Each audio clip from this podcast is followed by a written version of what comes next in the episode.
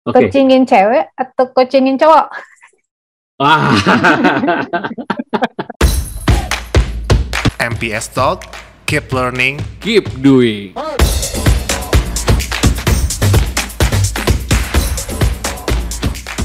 Oke, selamat pagi, selamat siang, selamat sore, selamat malam. Jumpa lagi di MPS Talk, keep learning and keep doing. Bersama saya Rian Gema dan kebetulan kita dapat kabar duka dari Mas Andi. Jadi uh, Mas Andi ada salah satu keluarganya yang uh, meninggal. Jadi Mas Andi tidak bisa ikutan di MPS Talk episode keempat ini. Tapi berhubung kita punya narasumber yang oke, okay, yang keren segala macam, saya butuh pendamping juga ternyata. Jadi uh, saya coba masukkan namanya Mbak Deta. Nah, kelihatan tuh. Selamat selamat pagi, selamat siang, selamat sore, selamat malam Mbak Deta. Ya, selamat semuanya, Mas Gema. Yelah. Saya ini cabutan nih, Mas. Cabutan ya. Jadi uh, mendadak dipanggil. Iya, iya, iya. Mbak Deta juga uh, teman kita di MPS Training. Uh, Mbak Deta lebih banyak ngurusin ke uh, people ya, ngurusin ke finance, ke people. Tapi Seksi sibuk lah ya, Mas. seksi sibuk lah. Dan uh, hari ini kita uh, berdua akan bawain MPS Talk dan tema kali ini, Dad. Apa Tema tuh? kali ini namanya hmm, coaching. Wah, coaching. Apa tuh Wah. coaching ya? banyak banyak orang yang uh, udah tahu coaching, tapi Mm. banyak juga orang yang nggak tahu coaching itu apa gitu. Mm-mm, Kayak saya Ya. kayaknya. Jujur banget sih Mbak Deta. Jujur banget jujur. Ya jadi uh, kita punya uh, kenalan, kita punya rekan Mm-mm. namanya uh, Mas Ari Yuda Laksmana. Nah, ini uh, kita Iya. akan uh, hadirkan untuk kita bahas mengenai coaching itu apa? Hmm. Coaching tuh gunanya apa segala macam dan banyaklah yang bakal kita kupas tuntas di MPS Talk episode keempat ini. Oke.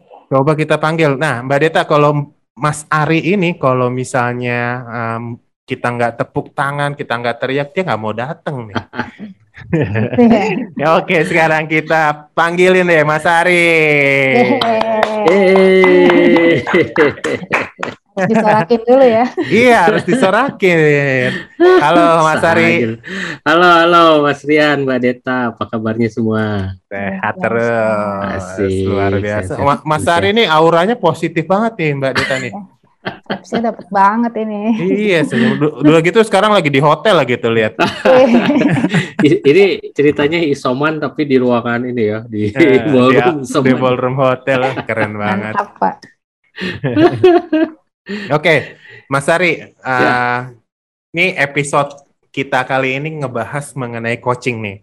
Jadi kenapa kenapa kita manggil Mas Ari karena uh, saya lihat di Instagram, di Facebooknya Mas Ari tuh ngomonginnya coaching, ngomonginnya uh, uh, training training development untuk manajer-manajer segala Waduh. macam. Wah.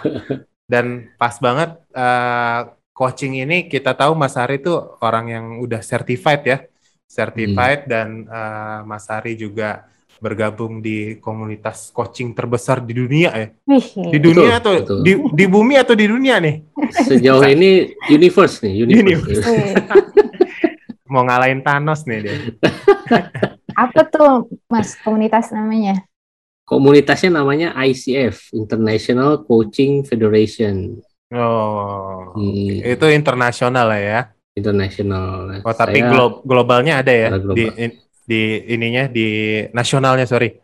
di nasionalnya jadi setiap negara punya inilah punya istilahnya kantor cabang lah ya punya Hmm. cabang-cabang nah ya, di Indonesia sendiri baru satu nih namanya ICF Jakarta Charter Chapter jadi Oh, chapternya chapter. Jakarta bukan Hmm. bukan Indonesia ya karena ada di Malaysia ICF Malaysia nah kita masih ICF Charter Chapter Jakarta Charter Chapter Oke, belum ke belum bentuknya Indonesia belum jadinya. belum belum masih ngumpulin orang nih ngumpulin Tapi akan ya, Akan Insya ya. Allah, insya Allah. Eh nunggu nih Mas Rian, Mbak Deta jadi membernya dulu, baru nanti kita Nah, siap Bikin. pasti. Pasti itu bakal project ke depan kita nih. Pasti. asik. Pasti kok jadi ko- coach ya, jadi namanya coach jadi coach. Coach. Oke, betul. Pak Ari, sebelum Ya. kita panjang lebar, nah mungkin teman-teman yang dengar atau teman-teman yang lihat di YouTube kita nih belum tahu nih Mas Ari siapa. Yang yang tahu mungkin banyak nih, tapi kita Hmm. ngasih tahu yang belum tahu nih.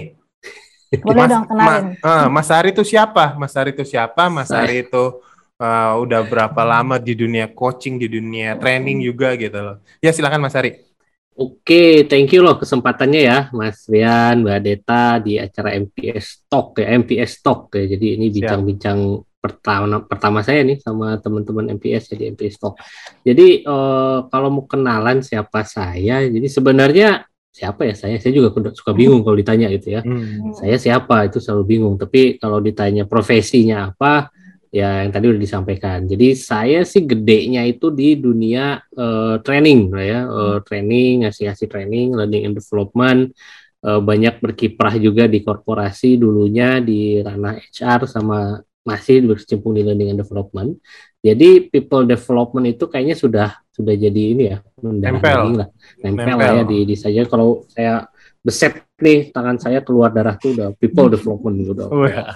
keluar Mendarah darahnya itu ya. ngedevelop people ya mendarah daging gitu ya seperti itu dan itu eh, bahkan dari semenjak kuliah pun saya udah terlibat di people development Mas Oke. Rian Mbak Deta Iya, iya. sama dosen-dosen lah biasa kan suka ngasong-ngasong tuh ada Hmm. ada training udah tak bantuin terus kita bikin training buat mahasiswa baru nah terus berkecimpung di situ akhirnya ke gabung ke konsultan lalu bikin semacam NGO untuk people development waktu Oke. masih masih dulu lah ya dan akhirnya di korporasi nah eh, trainingnya training apa macam-macam ya soft skill tapi kebanyakan leadership memang jadi dari dulu sudah banyak diarahkan ke leadership dan salah satu eh, atribut seorang leader itu selalu nempel yang namanya eh, selalu sebagai coach gitu ya Oh, leader iya. as coach gitu Hmm. selalu nempel nah penasaran tuh saya waktu itu Iya. akhirnya saya dalamin saya belajar banyak mazhabnya eh, tapi pada poinnya nanti triknya sama lah teknik coaching itu pada akhirnya sama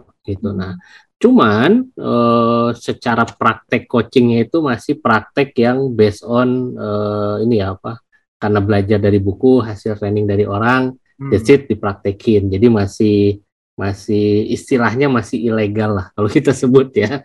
Ilegal kenapa? Karena belum tersertified belum tersertifikasi sebagai seorang professional coach. Jadi masih Hmm. coach yang karena eh, role ya as a role not as a professional Hmm. nah baru tahun 2000 berapa ya 2017 itu saya mulai ikut eh, sertifikasi di salah satu sekolah coaching di Indonesia eh, besar juga sekolah coachingnya nah di situ saya tersertifikasi sebagai eh, apa ya dulu namanya professional coach ya Hmm. ya profe- ya professional coach tapi yang sifatnya keluaran dari sekolah coaching. Nah, cuman dari situ itu adalah syarat untuk bisa tercertified secara internasional. Jadi Oke. saya ikut ujian lagi untuk di ICF eh, yang tadi saya sampaikan tuh International Coaching Federation barulah di situ saya tercertified baru di level 1 nih which is namanya ACC Associate Certified Coach, Coach. gitu. Jadi jenjangnya ada dua nih.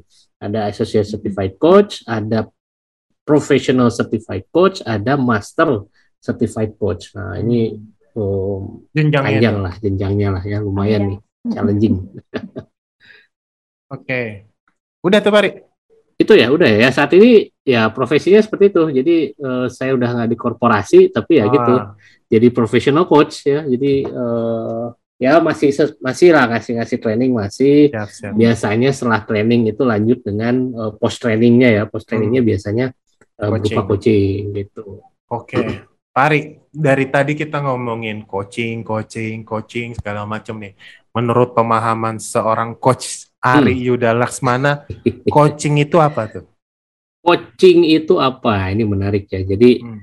eh, sebelum saya kasih definisinya nih ya eh, saya mau balik nanya sama Hmm. Mas Rian sama Mbak Deta nih kalau Siap. dengar kata coaching yang ada dalam pikirannya Mas Rian sama Mbak Deta apa? Dibimbing. Pembimbing, dibimbing. Pembimbing, dibimbing. Tadi Mbak Deta Hmm. apa? Ngajar kayaknya. Ngajar. Nah, ini kan jadi kalau ngajar dibimbing, nah saya, saya tanya lagi nih ya. Ini karena Siap. saya coach jadi selalu balik nanya biasanya gitu ya. Oke, siap. Jadi merasa ditanya nih kita. Jadi harus ditanya ya sekalian lah ya. Eh, tadi dibimbing ada diajarin, nah, ada coaching. Kalau gitu apa bedanya sama mentoring dan training? Nah, Ah, ada mentoring, ada training. Kalau ngajar biasanya masuknya ranah mana nih? training. Training jelas ya. Training di kelas kita dikasih ilmu ya, transfer knowledge dari satu orang biasanya masif ya dalam satu ruangan. Kalau dalam event virtual ya berarti banyak ya. Hmm. Nah, itu biasanya searah eh, eh, apa istilahnya transfer of knowledge ya seperti Oke. itu.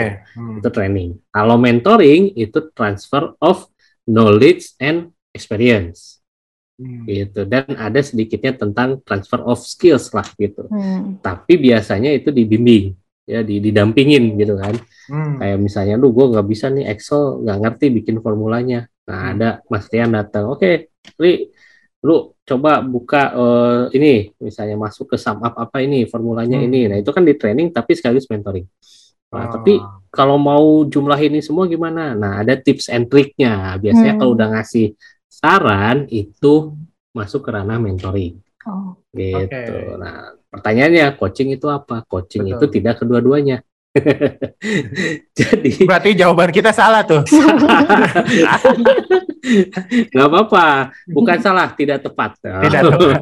Siap, siap, Tepat, siap. Kurang tepat. Jadi kalau coaching menurut definisi ICF itu sebuah proses ya, proses untuk eh, istilah apa ya, pengembangan potensi diri ya Hmm.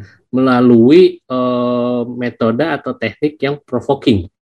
Hmm. provoking itu dalam arti apa? Memprovokasi pemikiran kita, pemikiran si koci gitu ya, agar terus berpikir dan mencari way out-nya sendiri. Sehingga nanti muncullah istilahnya kreativitas dan ya hal-hal baru lah dari proses provokasi pikiran ini. Gitu. Dan selalu prosesnya partnership. Ya, Hmm. apa bermitra. Saya sama Mas Rian, saya sama Mbak Deta nggak ada yang lebih pintar. Jadi kita Hmm. sama-sama Hmm. eh, sama nih se- setara. Ya, Hmm. Kalau training kan biasa yang lebih pinter eh, trainernya ya, karena Betul, dia punya betul. knowledge-nya, dia punya Hmm. tools-nya, dia transfer. Kalau Hmm. mentoring apalagi Hmm. Punya experience, udah lama Hmm. nih dia paham tentang Excel, paham tentang eh, apalah itu mesin dan lain-lain. Hmm, hmm. eh, dia lebih pintar. Tapi kalau coaching kita nih selevel nih, sama-sama nggak ada yang Hmm. pintar, nggak ada yang lebih pintar gitu.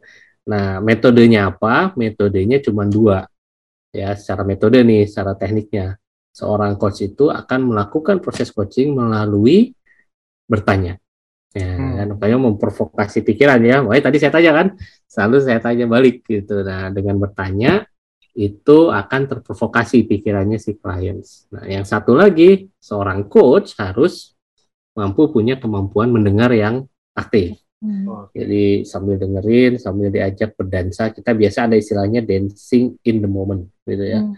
Eh, ya udah sambil dengar cerita, sambil tanya, sambil akhirnya kita bisa mencapai sesuatu. Nah, bedanya coaching sama yang lain, coaching itu fokus di masa sekarang, on the Hmm. present state, Hmm. untuk mencapai ke masa depan atau Hmm. eh, apa future state, ya goals. Ya. Makanya dalam coaching selalu kita awali dengan goalsnya apa nih? Sesi coaching hari ini, satu jam sesi coaching ini apa yang mau kamu capai? Nah, biasanya kita selalu awali itu. Fokus aja di situ sampai ke future state nih. Kita tidak menyentuh poin-poin di masa kecil Anda. Hmm. Kalau udah nanya, oh waktu kecilnya di sempat dibully apa enggak gitu ya. Hmm. Eh, kenapa jadi trauma? Nah, itu bukan coaching, itu masuk ke ranah konseling. Ya, kelihatan ya Oh. bedanya ya, ada konseling, ada mentoring, ada training dan ada coaching gitu. Berarti Nah, beda coaching ya itu- dengan konseling sendiri itu ya Pak? Eh. Beda, beda. Objektifnya berbeda antara konseling sama coaching. Hmm. Siap, siap, siap. Wah, ini ya. Jadi ketahuan ya bedanya. Gue kira sama aja tuh. Ya kan? Kelihatannya sama ya. Iya, iya. Iya, beda. Kok kalau dulu kan kita di sekolah ya. Heeh, Di sekolah eh, ada namanya guru BK, BK betul. ya kan? Kok nggak ada guru bimbingan coaching, Pak? Nah, ini ini lucu, menarik nih. Guru BK, BK itu singkatan dari Bimbingan bimbingan konseling. dan konseling ya. Betul. Dan konseling. Kalau bahasa Inggrisnya apa tuh? Kalau di bahasa Inggris kan? Ntar gue lupa translate. Kalau di bahasa Inggris itu sebenarnya coaching and counseling. Oh. Uh, jadi kalau ke sekolah luar negeri itu uh, pasti ada ruangan uh, BK, tapi di satu disebutnya coaching and counseling. Oke. Itu jadi ada dua peran sebenarnya. Nah di bahasa Indonesia kan coaching itu padanan katanya apa ya? Yang terdekat itu adalah bimbingan. Jadi Hmm. makanya selalu ada irisan ya Hmm. antara bimbingan sebagai coach, bimbingan sebagai mentor. Nah, ketika Oh, bilang mentor ya oke. dibimbing, ketika bilang coaching ya dibimbing. Itu padanan kata yang masih eh, inilah masih dicari ah, dalam bahasa Indonesia yang tepatnya seperti apa. Iya iya iya iya. Baru ngeh kita. Ka- Karena waktu itu belajarnya di ini Jawa Barat bukan di Washington. bukan di Washington. Coba terus kalaupun ketemu guru BK lebih banyak konselingnya daripada Iya. bimbingannya. iya, kaget. Kalau ke masalah. Iya itu dia. Kalau ke, ke guru BK tuh pertama gara-gara rambutnya panjang, Nah, terus berantem kan gitu biasanya. Nah, itu dia. Itu juga yang mungkin eh, kita ya sebagai profesional coach yang ICF nih punya PR untuk Hmm. mensosialisasikan, mengedukasi kembali masyarakat Indonesia itu tentang pengertian coaching. Ya. Karena dari dari kita sekolah selalu tadi ya, Mbak Deta bilang tuh, karena banyakkan masalah masuk Iya. ke ruang BK. Gitu. Itu ke bawah itu tersimpan di mindset ketika kerja tiba-tiba ada yang minta eh, pertemuan gitu ya, misalnya atasannya manggil bawahannya, Hmm. eh ayo kita coaching. Oh, langsung dalam pikirannya adalah gua salah masalah apa nih? ya. Kok sampai harus di coaching. Nah, ini yang mindset-mindset Iya, iya, yang iya. perlu diluruskan lah. Iya iya iya iya. Hmm. Karena sebenarnya coaching tuh nggak nggak selalu ngomongin masalah. Bahkan Hmm. yang nggak ada masalah pun, tapi kita pingin ke sesuatu yang lebih baik di masa depan itu eh, penting juga ya. Nah kalau pernah ke ruang BK, eh, ini anggaplah ada guru BK-nya, Hmm. tiba-tiba bertanya, nanti kamu lulus SMA, misalnya nih eh, Mas Rian karena gondrong gitu ya, gondrong eh, dianggap bermasalah, terus masuk guru BK, apa ruang BK, terus sama guru BK-nya ditanya, kamu habis lulus sekolah nih mau apa? Mau jadi apa? Hmm. Nah, pertanyaan itu sebenarnya udah pertanyaan ke masa depan ya. Iya, Dia sudah sedang mempraktekkan sebenarnya coaching, bimbingan. Gitu. Iya iya. Deta Deta silakan. Berarti pengaruh coaching itu ke pengembangan diri itu gimana tuh, Mas? Oh, berdampaknya besar ya pengembangan diri itu ya. Karena selama ini ketika kita bicara pengembangan diri selalu sifatnya knowledge base. Hmm. hmm, hmm. ya kan oh udah dikembangin berarti apa ikut training which is knowledge base ya Eh, udah dapat ilmunya tapi belum dikuasai oke lu mesti mastering. Lu mesti di mentor sama orang yang lebih expert. Jadi biar cepet nih masteringnya gitu. Tapi ada satu-satu poin atau satu titik tertentu yang sebenarnya eh, hanya dia yang bisa melakukan itu. Ya untuk lebih baik lagi gitu. Ada satu titik di mana eh, apa dia agak kesulitan dia ingin improve tapi nggak tahu caranya ya nah itu potensi itu ada dalam diri kita kan Hmm. Pasti. nah peran coach lah bagaimana menggali itu sampai potensinya keluar so developmentnya itu artinya tidak hanya secara knowledge tidak hanya secara eh, mastery ya kick ya tapi juga potensi dirinya juga ke keluar tuh ya keluar melalui proses coaching tadi. Dan kalau udah keluar, udah eh, sky is the limit biasanya tuh. Hmm. Ide-ide liar tuh, Hmm. wah, Keluar. pokoknya fight for it gitu ya, all do the Itu- best gitu. Itu butuh berapa lama untuk dia bisa Bapak bisa menggali semuanya itu dari Hmm, orang-orang itu? tergantung, tergantung ya. Jadi dalam proses coaching nih kita punya eh, semacam kontrak gitu ya. Kita punya kontrak. Hmm. Artinya apa kontrak ini? Tergantung goals yang mau dicapai. Hmm. gitu misalnya Iya, nih iya, iya. eh, apa Mas Rian Mbak Deta gitu apa nih goalsnya nih tuh goal saya pingin bikin anak saya eh, disiplin bangun pagi Mm, misalnya mm. karena sekarang WFH sekolah pagi kadang boleh datang terlambat ya yang penting iya. tugas ngumpulin tapi kan jadi nggak disiplin Hmm. wah gimana nih caranya nah kita lihat nih biasanya kita sesi pertama nih kita sebut pra coaching jadi pingin menggali dulu seberapa kompleks lah permasalahan yang ada atau uh, isu yang ada, yang agenda yang ada. Nanti dari situ kita lihat kira-kira ini bisa terselesaikan dengan satu kali pertemuan kah, atau cukup dua kali, atau mungkin sampai enam bulan, hmm. ya tergantung goalsnya tadi. Semakin uh, pendek atau semakin simple ya goals yang mau dicapai, maka bisa semakin uh, cepat proses hmm. coachingnya. Ya biasanya kita satu sesi itu satu jam. Oke, okay. Hmm. setiap sesi sejam ya. Maksimal lah, 40 menit sampai satu jam itu biasanya yang paling kondusif ya buat kita hmm. rata-rata hmm. uh, professional coach untuk melakukan coaching itu segitu. Pak Ari, hmm. kalau uh, kok kan tadi saya kalau saya tangkap tuh coaching itu kan uh, si coachnya itu bertanya ke coachi ya namanya ya berarti itu Betul, ya? coachi. Bertanya terus, bertanya terus. Nah terus totonya si coachinya nanya balik nih Pak. Hmm nanya balik itu seorang coach itu harus jawab gimana pak? Nah ini menarik juga ya. Ini hmm. ini uh, pertanyaan-pertanyaan selalu ditanya oleh para coach yang lagi belajar hmm. belajar jadi coach itu. Berarti gue udah siap belajar dong nih. Ya bagus, bagus. Ditunggu nih jadi member ICF dia.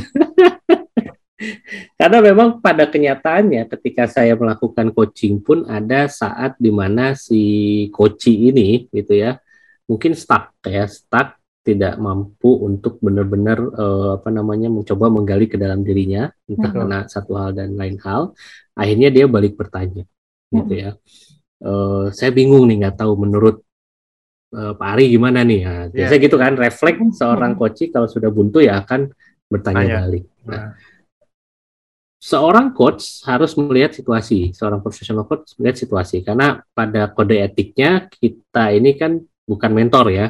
Hmm. bukan uh, apa namanya tidak bisa bukan tidak bisa. Artinya bukan pada tempatnya memberikan saran. Gitu. Jadi uh, langkah pertama biasanya saya kasih ini apa namanya kasih pertanyaan lagi. Hmm. ya dengan pertanyaan yang berbeda yang lebih uh, memudahkan dia untuk menggali lagi. Ya provoking. Itu pertama.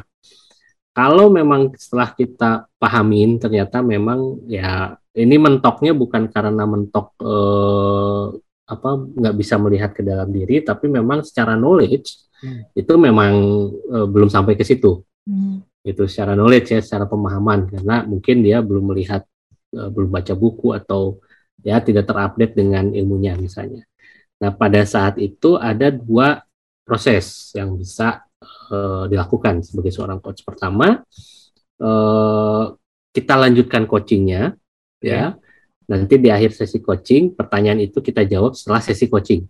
Hmm. Oh. Artinya apa? Setelah sesi coaching selesai, kontrak beres dong. Hmm. Topinya kita ganti nih. Oke, okay, saya bukan coach lagi, tapi sekarang saya topinya topi mentor. Iya, iya. Nah, iya. menjawab pertanyaan yang tadi itu pada saat proses coaching, uh, yang bisa saya sampaikan adalah A, B, C, D.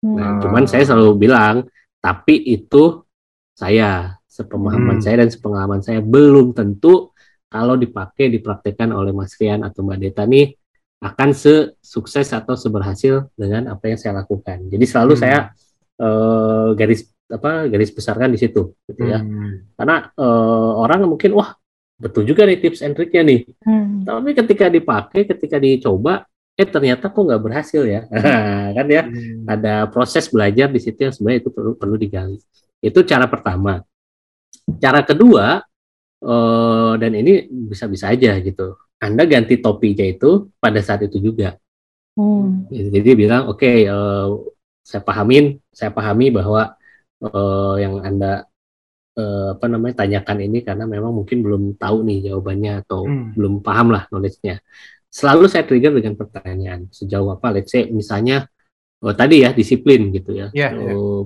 pertanyaannya adalah tapi coach saya nggak tahu nih e, caranya memanage waktu itu seperti apa ya kan contoh terus ya saya coba uji pemahaman saya tanya apa yang kamu pahami nih tentang time management yang selama ini kamu pelajari yang kamu pahamin apa nih time management nah kan ke, ketahuan ya oh ternyata memang nggak tahu apa-apa gitu. Saya trigger lagi. Pernah mendengar nggak uh, yang namanya matrix skill and will? Ya, atau uh, apa ya? Matrix importance and urgence gitu. Hmm. Sesuatu yang penting dan sesuatu yang mendesak. Pernah dengar nggak? Oh belum pernah. Oh berarti memang nggak tahu. Betul. Pada saat itu Anda ya, oke saat ini saya akan menggunakan topi nih. mentor saya. Betul. Lepas saya gunakan topi mentor saya. Eh, yuk kita sama-sama melihat nih eh, matrix ini. Ya ada importance, ada urgent. Ini matrix saya jelasin sebentar. Lalu balik lagi. Nah saya kembali lagi dengan topik coach Oke. saya. Melihat matrix ini, Anda bisa menilai diri Anda ada di mana Hmm. di Q1, Q2, Q3, Q4. Nah, wah kayaknya udah kebuka kan? Hmm. Kayaknya di sini nih. Oke, kalau begitu, yuk. Nah, mulai lagi coachingnya. Melihat Anda di Q ini, apa yang membuat Anda melihat diri Anda di Q ini, di kuadran ini. Oh, gali lagi, gali lagi. Baru nanti kita way out ke depannya adalah ya dari apa yang kita eh, diskusikan di time management matrix itu. Jadi itu sebenarnya fleksibel sih. Pada akhirnya proses coaching itu sangat client center Oh iya, siap. ya sangat client center atau coaching center lah jadi eh, kadang kita nggak bisa maksain Betul. nggak betul. bisa harus gini nggak kita harus lihat dulu kebutuhan Hmm. coaching sendiri apa nah kita harus bisa agile tanpa me, apa ya istilahnya tuh ada kode etiknya lah ya tanpa kita Hmm. melanggar kode etik yang kita pegang Siap, siap. gitu siap. Ya, ya, ya. Paham, paham. Nah, kalau coaching di perusahaan tuh kayak gimana, Pak? Itu kan perorangan tuh. Hmm. Ya. Gimana eh, besarnya gitu ke perusahaan itu kayak gimana tuh, Pak? Wah, ini eh, besar sekali dia. Jadi banyak sekali sih. Jadi pada prinsipnya coaching itu ada ada mungkin saya kasih ininya empat lah ya, empat empat level, empat Hmm. level coaching nih. Coaching pertama adalah coaching individual yang tadi ya one on one. Jadi ketika di perusahaan ya bisa aja ada bicara performance coaching ya gimana Hmm. ningkatin Ya. performance kinerja Hmm. karyawan nih ya kita Hmm. lakukan performance coaching atau eh, leadership coaching ini para leadersnya para manajernya gimana biar eh, lebih mampu lagi lebih capable lagi memanage Hmm. timnya Hmm. ya tapi tetap coachingnya adalah one on one ya, itu ya. mungkin Oh. tingkatan pertama gitu lalu naik ke tingkatan kedua disebut eh, tim coaching. Hmm. nah tim coaching ini lebih dari satu ya sekelompok orang gitu ya. Coachnya satu kadang dua untuk ditandem ya. Nah tim coaching ini tapi punya satu tujuan yang sama. Gitu ya di tim lah satu satu tim satu kelompok yang homogen. Misalnya tim Hmm. eh, apa HR gitu ya Sales. atau sales Ah, gitu ah. tim sales nah Hmm. ini kan ujung-ujungnya sama nih kalau tim sales Iya. ini kan eh, oke revenue base sekian atau closingnya Hmm. sekian persen sama tapi gimana caranya ya yuk kita sama-sama melakukan ini nah ini biasanya lebih panjang nggak sejam Hmm. bisa Hmm. sampai dua jam ya Hmm. dan biasanya ya lima orang lah lima sampai tujuh orang masih bisa terhandle itu tim coaching nah naik lagi dikit namanya grup coaching Oke. Hmm. grup coaching apa bedanya sama tim coaching? Kalau tim coaching kan homogen, satu tujuan Betul. sama. Kalau grup coaching ini individu-individu yang terkumpul dalam kelompok lakukan coaching gitu ya. Dan eh, take away-nya ya nanti masing-masing Ah. gitu, bukan untuk timnya. Ya, ti- kalau tim kan untuk untuk ke timnya ya. Hmm. Ujung-ujungnya apa yang dilakukan oleh masing-masing ini akan berdampak ke Tim. kinerja tim. Ya. Kalau ini ya masing-masing, tapi topiknya biasanya sama Hmm. gitu Hmm. misalnya topiknya apa oh stress management misalnya ya topiknya ya wis stress management masing-masing bisa beda-beda Hmm. tapi kita coba melakukan coaching kepada sekelompok orang ini ya eh, dengan satu proses yang sama nah ini grup coaching nih nah yang tingkatan atas nih yang eh, lumayan challenging itu coaching culture Uh. Hmm. oh, coaching culture itu gimana kita membangun budaya yang tadi tuh Hmm. one on one coachingnya, tim coachingnya, grup coachingnya itu menjadi sesuatu kebutuhan Hmm. dalam proses pengembangan eh, people-nya di perusahaan tersebut. Dan itu di endorse, di modeling dari atas sampai ke bawah. Jadi bahkan top manajemennya pun harus bisa menunjukkan bahwa coaching itu bagian dari eh, role-nya atau tanggung jawab masing-masing di sehari-harinya. Hmm. Nah, itu tuh besarannya di, di perusahaan tuh, Mbak Deta. Hmm. Coaching kultur ya kita ngomongnya itu ya. Coaching culture, betul. Waduh gila. Benar-benar berarti CEO-nya tuh harus bisa coaching, bawahnya bisa Betul. coaching segala macam coaching semua. Harus memodelkan. Ih, ya. tapi menarik loh Pak ya. Jadi ibaratnya saling saling inilah saling. Jadi lebih peka lah ibaratnya orang ya. betul, betul. di dalam betul. perusahaan tuh. Waduh, waduh. Pak Ari. Ya. Kalau ngomongin eh, konten Instagram ya, konten Hmm. Instagram atau Facebook, saya pernah lihat Pak Ari itu sebagai digital certified coach yang Oke, pertama di Indonesia kali. Mungkin ya, mungkin yang pertama kali di Indonesia kali ya. Digital digital certif digital coach certified atau apa ya? Digital certified coach. digital certified coaching. Certified coaching. Hmm. Nah, dan terus saya juga tahu Pak Ari adalah founder dari Coaching You ya. Hmm. Nah, boleh diceritain Pak dari ngomongin digital certified kenapa bisa jadi digital tuh dan kenapa bisa jadi Nah. yang pertama kali orang di Indonesia Oke. gitu kan? Oke, dan oke. uh, dengan dan itu uh, mungkin dari jadi certified itu terus Pak Ari bikin coaching you atau gimana? Dan Nah. boleh dijelasin Pak apa namanya Boleh, kita di- boleh. kita dikasih tahu dikit nih supaya siapa tahu kita mau jadi digital certified Oke. coaching Iya nggak sih? Boleh, boleh banget, boleh banget. Jadi ini ceritanya menarik lah. Eh, jauh sebelum pandemik itu Hmm. saya sudah merasakan kebutuhan akan digital. Oh udah bisa Gitu. ngeramal, bisa ngeramal. Ngeramal ya. Cenayang ya.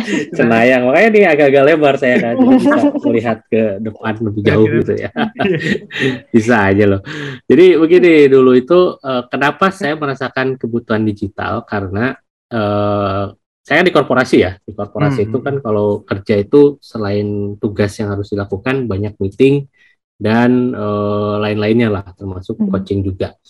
Sehingga saya berpikir kok eh, banyak orang yang ketika saya lihat ini banyak orang yang butuh coaching tapi kapasitas saya terbatas Hmm. ya secara fisik ini terbatas karena kebagi-bagi kan gitu. Saya berpikir ada nggak cara lain nih, cara lain yang bisa mengoptimalkan dengan kondisi yang ada, tapi akses terhadap coaching ini makin bisa menjangkau makin banyak orang. Ya, Eh, saya riset ternyata salah satu jawabannya adalah dengan digital.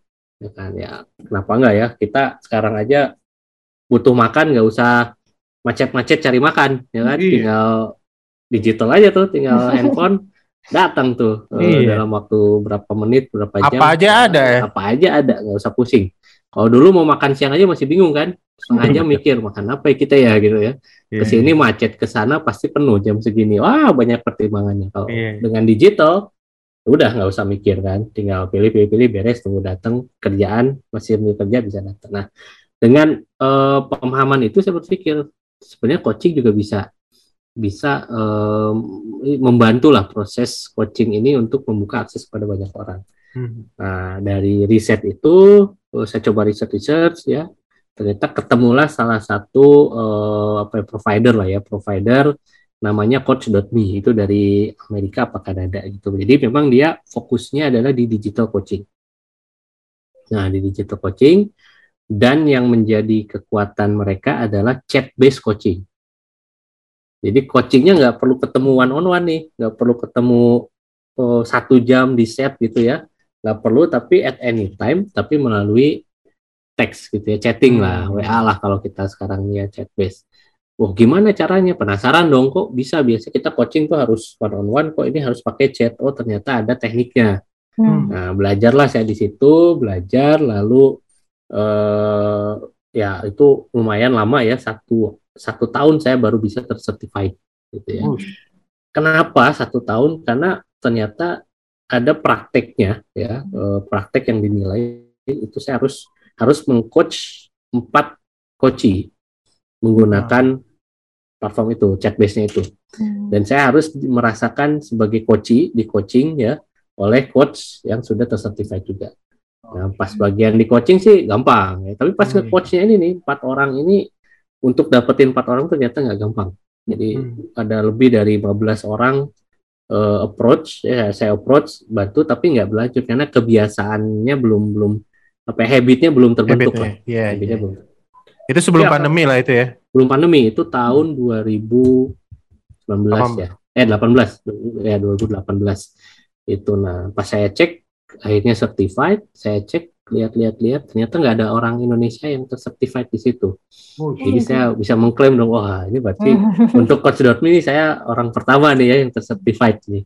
Dan dan menarik gitu. Akhirnya dari situ saya pikir hmm, ini bagus banget nih kalau kita bisa diimplementasikan di Indonesia.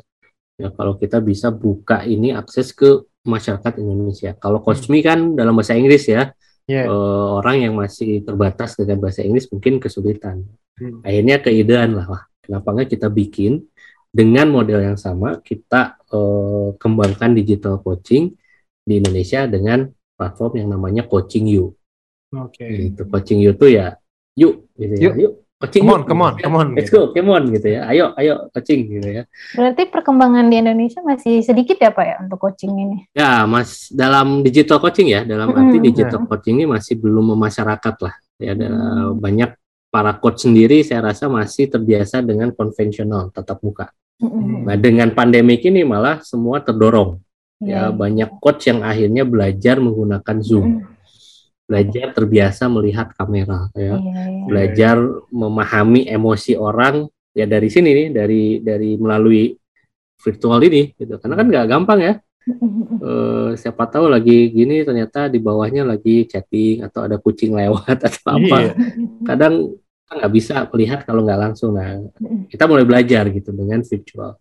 Virtual pun ini udah bagian dari digital karena ada teknologinya ya, ada dibantu oleh teknologi. Yeah dan memudahkan lah sebenarnya daripada waktu ya itu sangat memudahkan sekali untuk kita melakukan coaching ke lebih banyak orang lagi.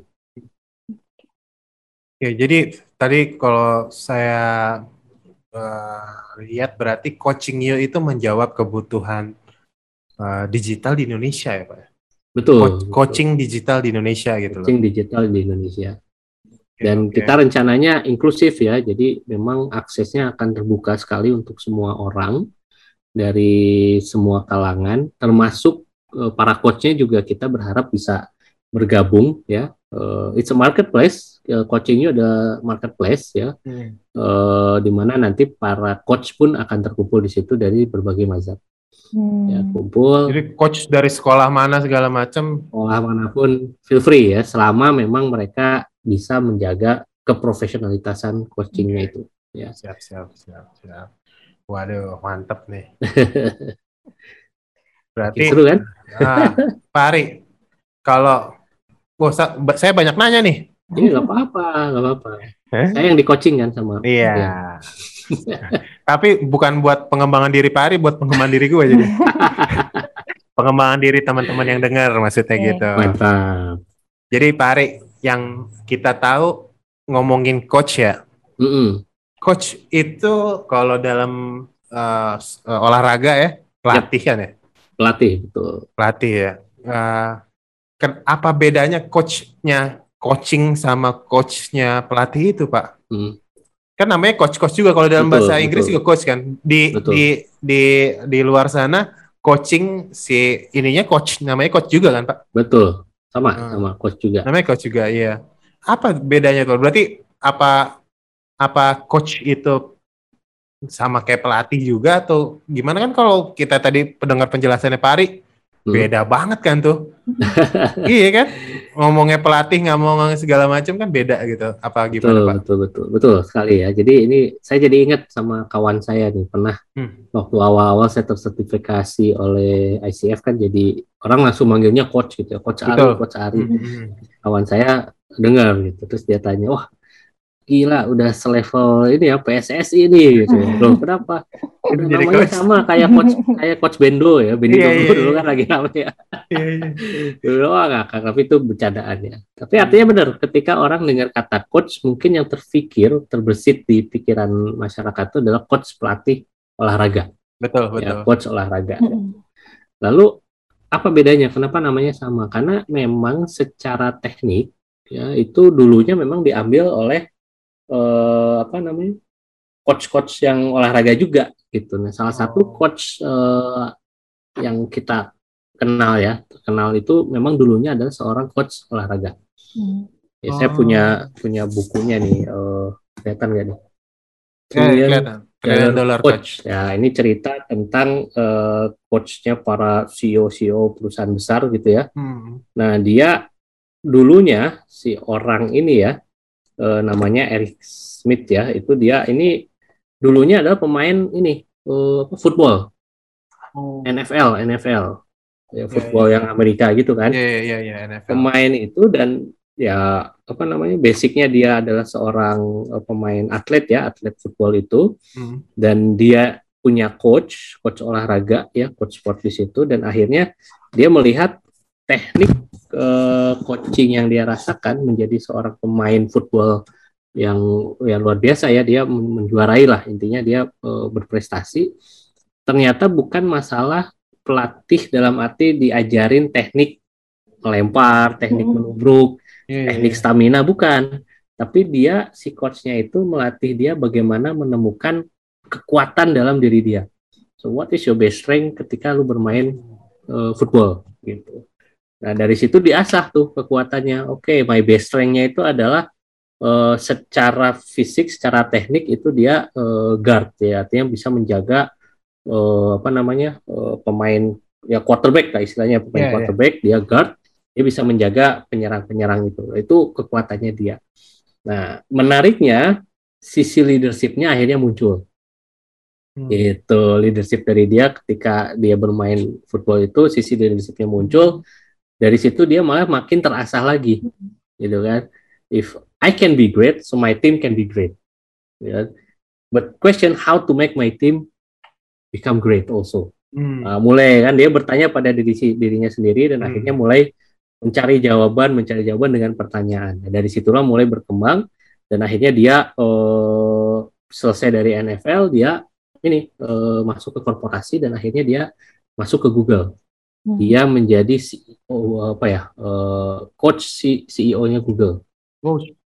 gitu. Jadi sebelum Google ada tuh ada salah satu eh, bukan capital venture ya, ada developer eh, company Hmm. di mana dia menjadi CEO-nya, terus dia meng eh, coachingkan ke si bos-bosnya Google ini Wus. sehingga menjadi eh, perusahaan besar kan. Nah, dari situlah dia mulai budayakan tuh. Di dalam perusahaan ternyata coaching it's something yang bisa dilakukan not Hmm. only for sport ya, bukan melatih teknik eh, apa tekniknya bukan, tapi Hmm. bagaimana dia punya eh, potensi tadi dalam menguasai teknik itu. Hmm. Eh, dengan cara apa? Dengan cara coaching. Dan akhirnya coaching ini bisa digunakan di mac- macam-macam bidang ya. Ada bisnis Betul, betul. Coaching. Bagaimana lu Habit, habit bisnis. ya. Habit juga. coaching. Tuh, karena saya Oh. juga certified di habit ya. Hmm. Gimana lu membangun habit gitu. Lalu leadership coaching, life coaching, ya, Life coaching. eh, mindfulness coaching. Many many many inilah banyak eh, banyak ragamnya tapi tekniknya sama. Seperti itu. Hmm. Gile.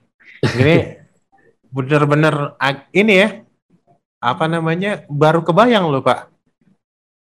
Jadi eh, saya kalau tadi Bapak ngomong tuh saya ingat eh, film yang football juga tuh. Hmm. Ada apa ya nama filmnya ya? Facing the Giant atau apa ya? Ya, ya, ya. Yang dia Itu bilang, bagus. Ya itu kan proses coaching juga tuh yang Betul. yang yang viral itu tuh yang dia bilang eh, ditutup matanya tutup terus mata, jalan. gendong temennya kan. Iya, itu proses coaching kan jati jatuhnya yes, juga. proses coaching gitu ya. In an extreme way lah ya dalam Ya arti ya apa? ya ya. Dia tidak mentoring kan, dia tidak mengajarkan lu kalau mau jadi leader mesti gini-gini enggak. Ah, enggak, Tapi oke, try to experience gitu kan. Hmm. Yang si coachnya lakukan apa? Just keep saying go ahead, jalan Yeah. terus, you can do it, go ahead, Yeah, jalan terus, yeah, you can do it. Tanpa dia sadari ternyata dia bisa di melampaui gitu, udah ada di Hmm. ujung. Dan dari situ menariknya kan setelah proses itu baru dia tanya ya, apa ada ada asking question juga tuh waktu itu. So uh, what what can you learn from this gitu kan? Hmm, hmm. Nah, mulai tuh mikir meskipun tidak diucapkan lah nggak kayak film Indonesia kan mungkin sedikit dijelasin gitu ya Iya, kalau iya. dia oh, sangat dramatik sangat emosional gitu kan hanya Nah. dengan angle seperti itu tapi menjawab bahwa I can do more if I want to gitu kan Hmm. dan dia conclude kan so if you can do this if you can lead uh, yourself to do this you can lead others to do this also Ya, ya. ya if you can be great you can make your team also great so show your leadership gitu Hmm. tunjukin lo leadership dulu eh sama kucing same Iya, iya. Dia bilang gitu ya. Kalau misalnya lu aja bisa, lu yang mimpin ini kan, mimpin Mm-mm. teman-teman yang lain. Mereka percaya ke lu gitu. Wah, gila keren Iya. banget. Yes. Ya iya iya baru kebentuk ya. Dan sebenarnya kita juga sendiri bisa coaching diri kita sendiri ya, Pak. Sangat bisa, sangat bisa. Iya kita nanya, oh, nanti 2025 gue mau jadi apa ya? Nah Hmm. itu kan coaching diri sendiri ya. Self coaching namanya. Self coaching. Betul. Gila gila gila. Pak, bagi Ya. pengalaman dong. Eh, Oke. Kan kalau coachingin orang kan nggak mungkin lurus-lurus aja, Pak. Ada salah satunya coach yang apa sih nggak mau aktif gitu, Heeh. eh, dia nggak mau berpikir apa. Itu gimana, Pak? Untuk Bapak gali terus tuh si Hmm. coach itu supaya ngomong gitu. Yang ngomong ya. Jadi menarik nih. Jadi kunci kesuksesan coaching ada di keinginan si coachee sendiri untuk berkembang. Hmm. Jadi kalau coachingnya sendiri nggak mau berkembang, ya wes gitu. Mau pakai jurus apa pun nggak akan berhasil. Gitu. That's why di awal di pra coaching ketika kita bikin kontrak kita tekankan benar-benar apa yang mau dicapai, pengembangan diri apa yang ingin dicapai gitu kan. Hmm. Nah, setidaknya dengan dia berpikir mau mencapai sesuatu itu, setidaknya sudah ada willingness to change, ya, ada Hmm. keinginan untuk untuk berubah lah ya. Kalau di awal sendiri dia bilang, wah nggak tahu, gua kan disuruh bos saya ke sini. Ah, itu berarti Berat berat. eh, prosesnya jangan dulu ke coaching gitu ya. Iya, Jadi iya. prosesnya ya Oh, konseling gitu. eh, mungkin bukan konseling ya, tapi lebih eh, lebih pertama mungkin ya kita harus bikin kalau di di, di korporasi ya, kalau di perusahaan nih Iya. ya kita ajak si sponsornya, kita sebut sponsor nih, atasan yang nyuruh dia untuk masuk coaching ke saya tuh ya sponsor. Sponsor harus bisa menjelaskan kenapa dia harus ikut coaching. Hmm. Jadi jangan yang lempar tangan sembunyi Mhm. batu gitu ya, lempar batu sembunyi tangan gitu. Udah lu ke Pak Ari aja coaching, terus dia bingung ngapain. Mm-mm. Ya, eh, sesi ini harus fair, si atasan harus bilang bahwa in some terms, in some condition ada hal yang perlu diimprove. Nah untuk mengimprove-nya, gue sebagai atasan kesulitan, tapi mungkin dengan coaching atau dengan coach akan ngebantu lo. So mereka tahu bahwa oh oke gue datang ini untuk mengimprove poin-poin yang tadi disampaikan. Itu pertama. Nah, tapi benar Mbak Deta bilang nggak semuanya seindah itu. Gitu ya. Ada aja yang datang tuh masih susah gitu ya, masih Hmm. susah.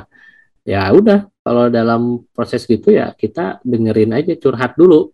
Mm-mm. Tidak ada sesi coaching, jadi satu Iya, jam ya udah curhat. eh, biarkan dia cerita eh ya waktu itu saya bilangnya gini gitu oke karena kita udah di booking nih satu jam Mm-mm. eh, sayang kalau kita tidak manfaatkan sebaik-baiknya so lupakanlah coaching lupakanlah itu Eh, kalau lu punya waktu satu jam ya eh, bersama saya nih apa yang ingin lu ceritain apa yang lu sampaikan gitu. jadi open open topik aja gitu kan Iya, iya. ya awalnya sih masih malu-malu masih nggak tahu nggak apa-apa eh, ya kalau bisa selesai cepet ya selesai. Oke kita bisa selesai cepet lah. Eh, tapi sayang gitu saya udah kadung di booking gitu ya. Eh, if any kalau ada gitu kalau ada. Kalaupun eh, seandainya eh, apa kita ketemu di kantin dan Hmm. kita ngobrol ketemu saya kamu mau ngobrol apa sama saya? Obrolan apa yang kamu ingin yang sekiranya bisa eh, akhirnya kita bisa berkomunikasi nah, jadi pancing-pancing dulu tuh memang gitu. tapi tidak Iya, terjadi coaching Eh, untuk apa untuk build the trust Iya, iya. Nah, jadi proses coaching selanjutnya akan lancar selain dia sudah ada keinginan, juga trust terhadap saya sebagai coachnya terbentuk. Hmm. Harus ada kepercayaan ya. Harus ada kepercayaan, biar nanti apa pun tuh keluar kan. Hmm. Akhirnya ya udah curhat, biasanya curhat. Yang kebetulan saya kan orang HR, jadi kadang juga jadi tong sampah juga nih. Kadang orang curhat juga kan, jadi pas lah. Iya, iya, Ya iya. udah, dengerin curhat, curhat satu jam, akhirnya eh, 10 menit terakhir Oh, Oke ya, saya dengerin curhat kamu, saya rasakan ternyata banyak hal yang kamu eh, pikirkan sekarang, kamu rasakan kurang nyaman dan lain dan lain-lain. Kalau nanti kita ketemu lagi minggu depan, gitu ya, Mm. dari semua curhatan kamu ini, eh, hal apa yang ingin kamu selesaikan, ya Hmm. atasi, hal apa yang kamu atasi. Satu hal aja yang buat kamu ini menjadi eh, tantangan terbesar kamu. Mm. Nah, itu mulai tuh, itu mulai masuk ke kontrak gitu kan. Mm-mm. Oke deh, mungkin kita ketemu eh, minggu depan. kayaknya di area ini gua sama atasan gua nih nggak selek gitu ya. Mm-mm. Biasanya curhatnya gitu kan. Mm-mm. Oke, eh, kita kunci dulu ya. Berarti kita akan ngomongin eh, ketidaknyamanan kamu sama atasan kamu. Mm-mm. Kita atur waktu kapan enaknya. Udah, set waktu. Pertemuan berikutnya ketemu lagi, baru masuk proses coaching. Hmm. Mulai cerita. Dan oke dari ketidaknyamanan kamu, kita punya waktu satu jam coaching. Apa yang ingin kamu capai dalam mengatasi ketidaknyamanan ini? Oh, Hmm. oh, udah terjadi proses coaching. Ya, sometimes harus eh, seperti itu. Iya, iya. It's a iya. Tadi. Mm-mm. Ya ini jam terbang juga ngaruh banget ya berarti seorang coachnya ya. Ya, ya, betul. Jadi dia tahu tipikal tipikal orang tuh. Makanya untuk tercertified ICF ACC itu kita Nah. minimal harus 100 jam coaching, Hmm. Oh. praktek 100 jam Ya, ya. coaching. Siap, Dan siap, eh, kalau nggak salah 25 persennya bisa pro bono, pro bono itu gratis. Iya. 75 persennya harus yang berbayar. Jadi ya profesional lah ya harus harus. Hmm. eh, karena kalau udah bayar kan mau nggak mau kita harus menunjukkan yang terbaik ya dari sisi Betul. kita sebagai coach. Hmm. Tuh untuk ACC nih level pertama di ICF. Baru level pertama tuh. level pertama. PCC harus 500 jam. Wah, Oh. gila ya 500 jam. 500 Itu jam kalau berapa? hari satu jam itu berarti 24. setahun setengah, ya hampir dua tahun. Eh, itu kalau sehari satu jam loh gitu ya. Iya Bisa ya. rutin itu bisa ya satu hampir dua tahun tuh 500 jam. Nah, MCC itu eh, 5000 jam kalau nggak salah ya. Kalau nggak salah nih saya harus lihat lagi itu udah lebih. Kami juga master ya, berarti udah Mm-mm. Iya, udah iya, tahunan iya. lah itu Iya, iya. kerjaannya emang coaching terus. Oh gitu ya, baru nggak gua. Nah, Kan karena banyak banyak teman di coach ya Pak. Mm. Ya levelnya kan ada yang ACC, PCC, MCC, Yes, oh, yes, gitu ya. yes. Iya iya. Dan sedikit ya Pak orangnya yang udah levelnya MCC gitu Pak. MCC di Indonesia ini ada empat orang, Oh udah ada empat orang. udah ada empat orang. Itu yang memang eh, para guru-guru kita lah ya eh, di Iya, sekolah iya. coaching tuh ada empat Hmm. orang. Eh, level PCC-nya ada, ini yang yang menjadi member ya, yang jadi Iya iya. member yang ICF menjadi itu CF. Ah, ah. ada 31, 31 orang yang PCC yang terdaftar di ICF. CF. Karena bisa jadi dia tidak jadi member tapi terkredensial juga itu Betul, bisa betul. aja gitu ya. Mm-mm. Yang ACC ini ada 62 saat ini yang terdaftar di ICF Termasuk Pak Ari lah ya. ya, termasuk saya. Pak Ari nanti bakal jadi PCC baca amin, amin, amin. Siap. Ini data yang eh, per Juni kemarin ya, per Juni kemarin eh, ICF Jakarta member, bukan ICF Oh, iya. global karena bisa Pak, jadi Pak, eh, Pak Ari tuh ini ya, eh, ibaratnya manajemennya ICF di Indonesia di Jakarta chapter tuh Pak Ari juga masuk ya. eh, volunteer lah. Jadi kita punya istilahnya pengurus ya atau kita sebut Pengurus, sebagai iya, iya, iya. eh, chapter leaders sebutannya. Chapter eh, leader. volunteer di situ ya sa- kebetulan di situ saya pegang ini marketing communication and digital jadi Nah, berarti pas bang, pas banget nih kita setting Pak Ari untuk ngomongin coaching ya. ya ya ya betul sekali Oke, oke. Waduh, Pak Ari. jadi coaching itu tuh susah-susah gampang atau menurut Bapak atau emang susah gitu Pak? hmm, menarik pertanyaannya ya susah-susah gampang atau susah ya it Hmm. depends on your passion ya jadi Hmm. karena mungkin passion saya di people development dan saya melihat teknik coaching ini sangat efektif ya eh, dari teknik eh, pen- pengembangan diri yang lain. Jadi saya senang sekali untuk eh, mengeksplor lebih dalam dan menguasainya Hmm. Gitu. Jadi kalau dibilang susah, ketakutan itu ada waktu itu Hmm. memang ya bisa nggak ya gue lulus sertifikasi Iya, dan iya, lain-lain ya. Tapi ya karena udah passionnya mau nggak mau gue mesti eh, menguasai ini Ya. Hmm. mesti tercertified ya akhirnya belajar dan lulus gitu ya Hmm. Eh, tapi ya itu untuk digital certified aja perlu setahun ya untuk ACC. eh, ya ACC aja kan kita harus ngirim ini ya recording Hmm. jadi kita melakukan coaching kita record recordingnya kita kirim untuk dievaluasi dan itu waktu itu saya sampai 10 recording tuh eh, dari 10 klien berbeda dan itu diambil satu yang menurut saya itu ini paling Oke lah. paling oke lah gitu, paling mewakili untuk bisa dinilai gitu ya. Hmm. Jadi ya perlu semangat dan ketahanan diri, resilience ya udah. Resilience. Waduh, waduh. Wah, Pak Yuk. Kit- Kita sudah di penghujung nih, Pak. Wah, Nggak, nggak berasa, ya. nggak berasa kita ngomong udah hampir satu jam loh kita ngomong. Mudah-mudahan teman-teman yang dengar, rekan-rekan eh, ini apa namanya berkembang ya. Jadi pengetahuannya nambah tentang Hmm. coaching dan eh, mungkin sebelum ke ranah profesional, teman-teman bisa praktekin self coaching dulu gitu ya. Self coaching. Self coaching, terus atau nggak baca-baca, terus bisa eh, nge-coachingin teman-teman yang butuh atau segala macam mungkin bisa dipraktekkan juga gitu ya. Oke Pak Ari, sebelum kita udahan, kita masuk ke segmen ice breaking. Oh, Nah. apa ini? Deg-degan nih kalau udah ice breaking takut dikerjain gue nih. Jadi eh, Pak Ari di sini tidak boleh eh, menjawab mm, menjawab dengan alasan, Mm-mm. tidak boleh bertanya lagi, hanya menjawab yang kita sudah kasih jawabannya Oke, dan harus cepat. harus cepat. Oke, Ya, gitu ya. jadi deg-degan. Enggak kok Pak Ari ini masih masih aman.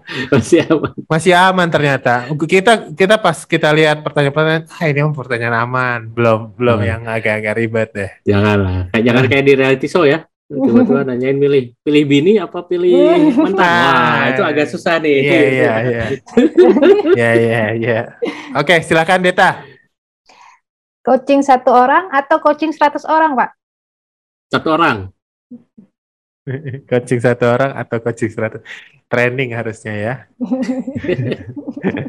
Oke. Sekarang saya nih, Pak. Bentar, saya buka contekan dulu. Coaching online atau coaching tatap muka? Coaching online. Yo, eh. Nih, Pak. Ya, penting nih, Pak. Oke. Coachingin cewek atau coachingin cowok? Wah. Dua-duanya boleh lah. Nggak boleh. Satu. Pak. Ini ini ini yang, yang saya khawatirkan ya. Coachingin coaching.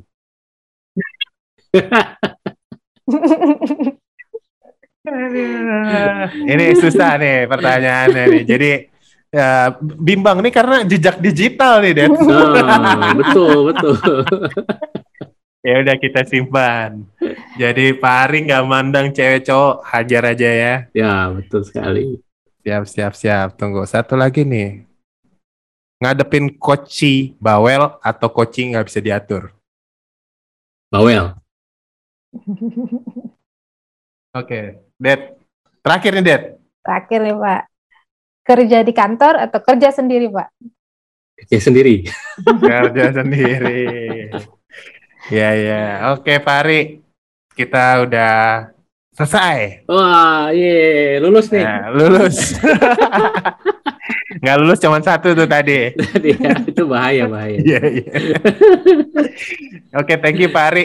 Jadi eh, Ari. kita rekap lagi. Jadi teman-teman eh, yang dengar atau yang lihat di YouTube kami eh, udah tahu tuh, udah bisa ngebedain coaching, mentoring, eh, training, sama konseling. Paling. Mm-mm. Ya, tapi eh, dari semuanya itu semuanya baik ya Pak ya, semuanya baik, baik. dan semuanya bisa di matching kan ya, bisa digabungin segala Kombinasikan, macam, betul. kombinasikan Betul. supaya ujung-ujungnya ya uh, goalsnya apa segala macam dan benar-benar uh, teknik coaching ke diri sendiri tuh saya rasa powerful banget deh. Betul sekali. Jadi lu tanya ke diri lu sendiri segala macam. Waduh, gila gila gila. Fari ini sebenarnya gue banyak pertanyaan nih Fari, tapi uh, nanti kita simpen aja kak. Jadi kalau teman-teman mau nanya tentang coaching atau mau nanya tentang uh, dunia-dunia yang pelatihan juga bisa ya Fari ya, training segala boleh. macam atau Hmm. human research bisa nanya langsung di komen atau enggak uh, nanya langsung ke Instagramnya Pak Ari nanti kita masukin tuh di Instagramnya Sip. Pak Ari. Oke, Boleh Pak Ari. itu aja jualan. Oh iya iya silakan Oh, silakan jualan. Pak Ari. Ini siap, siap. jualan di belakang saya nih. Jadi Hmm. sekalian juga teman-teman yang mau lebih tahu banyak tentang coaching itu seperti apa. ICF Jakarta Chapter Char- Charter nih, Charter Chapter nih ya. Ya. Bulan November nanti diawali di tanggal 28 Oktober akan mengadakan yang namanya International Coaching Summit. Oke. Ya, jadi ini kali kedua kita lakukan virtual, tapi Hmm. sudah kali ke eh, berapa ya? 9 kalau nggak salah ya, kita lakukan yang namanya ICS ini. Nah, tanggal 28 Oktober itu pembukaannya ya dan kita akan lakukan selama satu bulan sampai 28 November Oke. setiap weekend Sabtu Minggu. Jadi nanti akan ada pembicara-pembicara eh, baik mewakili coach secara Hmm. internasional dan nasional dan juga mewakili coaching. Jadi yang mereka terdampak oleh coaching pun akan kita undang dalam eh, sesi-sesinya selama summit ini. Ya temanya itu adalah coaching works. Jadi ya Coaching coaching, itu works. berhasil gitu Iya, iya. empowering the world through coaching. Jadi kita mencoba untuk yuk eh, belajar banyak lah dengan coaching sehingga kita Hmm. bisa empower selain diri sendiri lebih banyak orang tidak hanya di dekat saja tapi seluruh dunia. So stay tune. Informasinya nanti ada di eh, sosial media kita ya ICF Jakarta Oke. atau di websitenya di icfjakarta.org. Nah, belum rilis sih baru ini baru pemanasan dulu nih. Iya, iya, iya. Wah, ini internasional ya Pak juga ya. Yoi, Jadi ada pembicara yoi. internasional juga ya. Betul banget. Dan eventnya sebulan. Wah, menarik banget. ya. bulan. Seru lah, banyak Siap. belajar nanti. Mantap. Oke Pak Ari, sehat terus Pak Ari. Sukses Amin, buat sama-sama. coaching you-nya, sukses buat ICF-nya, sukses sukses buat ICS-nya juga ya. Amin, thank you banget, thank you banget. Oke. Oke. Eh, eh, eh, sebentar, sebentar, sorry. Apa lagi? Uh, Boleh satu pesan singkat untuk teman-teman yang dengar Pak? Oke. Satu pesan singkat ya. Eh, paling ini saya mau ngambil quotes aja. Ini quotes Siap. andalan saya yang selalu saya pakai. Ini quotes dari Henry James ya, salah satu eh, penulis eh, di Inggris tuh dia bilang, "Until you try, you'll never know what you cannot do." Ya, jadi hingga kamu mencoba, kamu tuh nggak akan pernah tahu apa yang nggak bisa kamu lakukan. Iya, iya, Ya, jadi coba aja dulu sampai akhirnya kamu melakukan itu dan mengetahui bahwa oh ternyata gua nggak bisa. Ya termasuk coaching juga seperti itu. When we do coaching, what you want to uh, apa, achieve, ya goal yang mau di achieve, think many things, think anything, ya sampai akhirnya dicoba dan akhirnya terasa oh ternyata gua nggak bisa. Uh, then find another way through uh, through coaching lagi. Gitu. siap. Wih, Thank you. hebat nih. Oke, Pak Ari. Terima kasih Pak Ari ya. Sama-sama. Thank you juga Mas Rian, Mbak Deta, kesehatannya sehat selalu. Sehat selalu, Pak. Ya Pak. Oke, teman-teman MPS Talk. Wah, benar-benar seru banget ya. Jadi eh, kita benar-benar dapat insight banyak dari seorang Pak Ari yang udah berkecimpung lama ya di dunia coaching juga ya. Jadi dan Belajar dia banyak juga, ya. oh dia juga udah certified digital. Jadi emang kita rasa benar-benar dari ppkm ini juga kan kita tahu kita nggak bisa tatap muka kan. Jadi eh, untung digital itu benar-benar Berpengaruh ya. Iya, iya, iya. Oke, oke, oke. Thank you Mbak Deta udah nemenin. Mudah-mudahan minggu depan sudah bisa sama Mas Andi lagi dan eh, Mbak Deta mungkin di episode-episode berikutnya pasti kita akan hadirkan langsung juga. Siap. Oke. Bye-bye. Sampai MPS. Talk. Keep learning. Keep doing. Dah.